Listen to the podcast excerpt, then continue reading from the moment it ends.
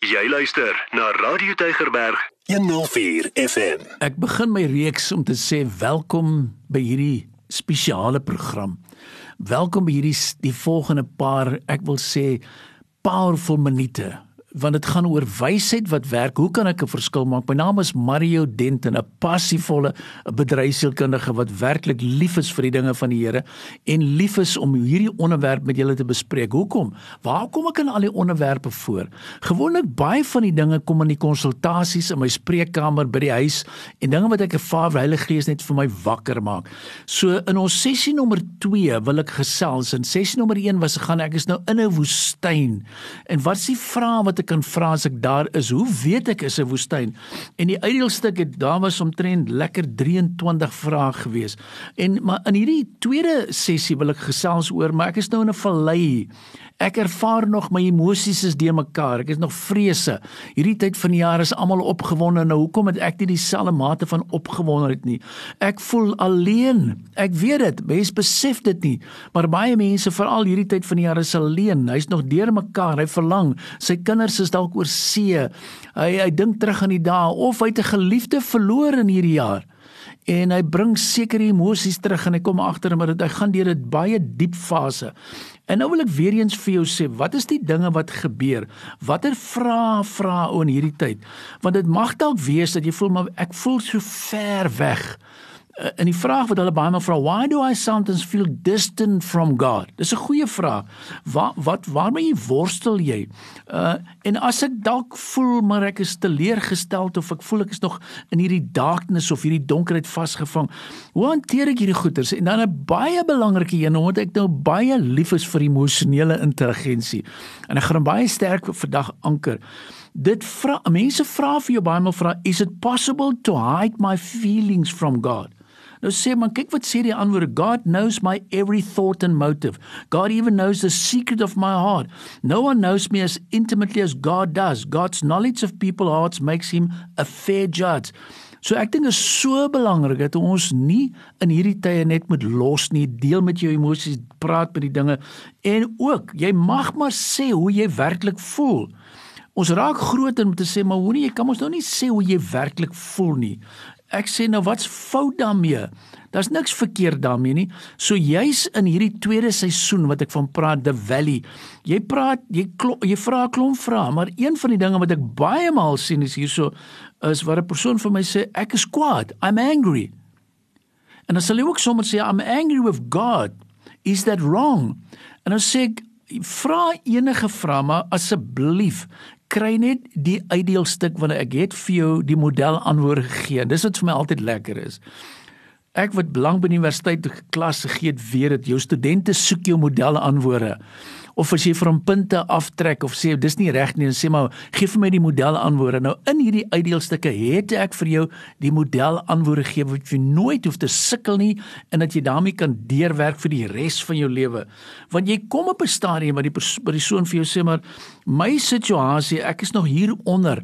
Ek is nog hier onder in die vallei en alhoewel dit mooi is in die onder in die vallei, sien ek seker dinge eenvoudig net nie raak nie. Die jaar lê nog vir my voor. Hoekom sien ek nie dinge raak nie?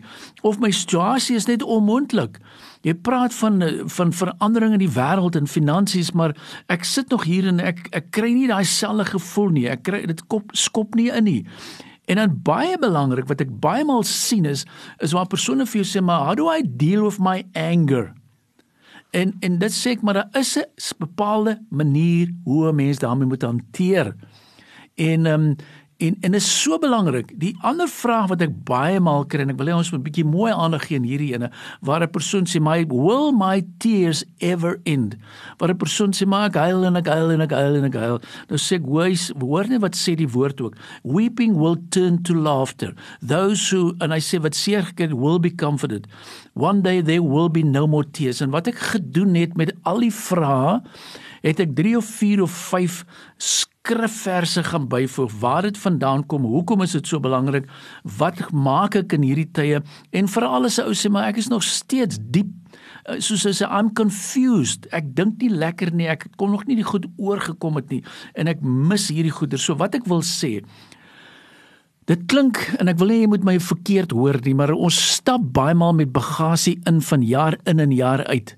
Maak hierdie tyd van die jare geleentheid om te sê kom ek reflekteer, kom ek dink diep, kom ek gaan sê ek gee eer aan die Here, kom ek hou my eie thanksgiving daarso met my huis en saam met familie en kom ek sê wat is die goed wat my terughou wat veroorsaak dat ek nie my beste kan gee nie.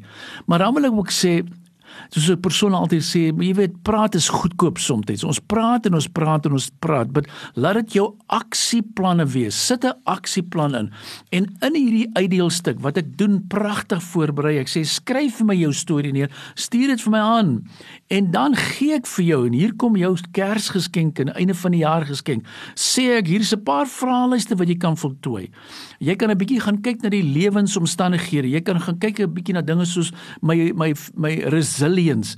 Jy kan gaan kyk na dinge soos my algemene gesondheid. Uh my my gewoontes wat ek my my werk, my jy weet, hoe gaan dit in my lewe? En so wat ek wil sê oor die jare het ek hierdie vraelyste ontwikkel. Jy meer dit jy voltooi dit. Ek stuur dit vir jou rustig aan. En ek gee vir jou terugvoering want ek wil hê jy moet hierdie goed hanteer uitsorteer, verskil maak. En dan wil ek ook sommer nou al sê asseblief, ek weet dit en ek herhaal dit, daar is mense daar buite wat sê, nou kan ek ook nie hierdie goed aanstuur vir ander mense en ek dink een van die belangrikste dinge wat ek wil hê jy moet hoor en dit besef ek, hoe hoe verander gedrag? En ek gebruik 'n eenvoudige tegniek, mense noem dit LAT, learn, apply and teach. As jy iets leer, dan sê ons dis mooi, maar jy hou dit tog baie maal vir jouself. That's learn. Die tweede tegniek wat ons gebruik, apply. Jy leer iets, maar jy pas dit toe.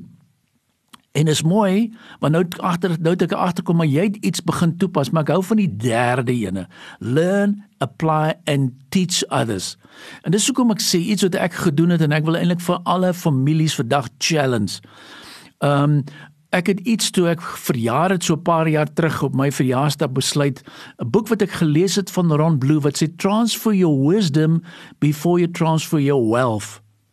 En was dit vir my impakvol gewees het toe ek 'n boek gaan skryf, klein storieetjies gaan skryf oor die 150 dinge op daai stadium wat ek geleer het.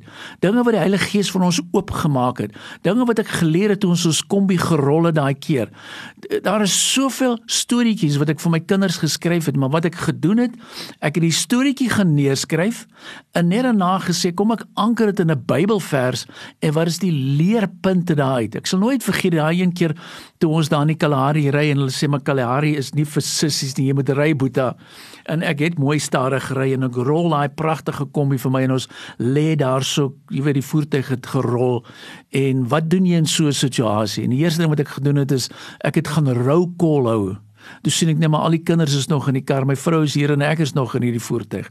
In daai kombie en ewe skielik die volgende oomblik praat ek met 'n amper wat ek sê eh, met 'n baie meer geldende stem en ek sê klim uit. Ons het nog werk om te doen. Ons kan nie hier lê en ons is dis nie die einde van die lewe en ek dink myself jene Mario. Maar toe besef ek net die realiteit skop in. Ons is gespaar. Ons het 'n nuwe lewe gekry. En ek wil vir julle werklik aanmoedig. Die eerste fase was die die woestyn, die tweede fase is hierdie valley. Hoe maak ek maar daar's ook 'n lekker derde fase wat ek sê maar hoorie, hoe lyk dit as ek by 'n oase uitkom? En nou lyk dit al amper soos 'n woestyn, maar dan nie, daar's lekker vars water. Want ek wil ons lesentjie opbou na hierdie wonderlike een wat sê maar ek is op 'n hoë plek. En dan wil ek vir die sê vyfde die ja, die vyfde sessie wil ek vir julle leer is how do I sustain it? Hoe behou ek dit? Want as ek dit verloor, is dit gevaarlik. Hoe behou ek hierdie situasie? So asseblief, gaan pas dit toe, gaan leef jouself uit. Jy is tot alles in staat, die Christus wat vir jou die krag gee. Maar kom ons doen nou iets hierdie jaar. Learn apply and teach mag dit daar by jou vas bly om te sê wat gaan ek leer wat gaan ek anders te wees maar nie net leer nie hoe gaan ek dit wat ek geleer het toepas want daar's mense wat dors is daar's mense wat honger is daar's mense wat insig nodig het en ek sê juis nou is die tyd. Die Here seën jou mag dit goed gaan mag jy dinge beweeg waar jy is mag jy opstaan mag jy 'n nuwe huppel in daai stem hê en waar jy gaan doen en wat jy beweeg in die tyd gaan maak 'n verskil in die lewer buite. Die Here seën jou. Potgoeie op Radio Tygerberg 104 FM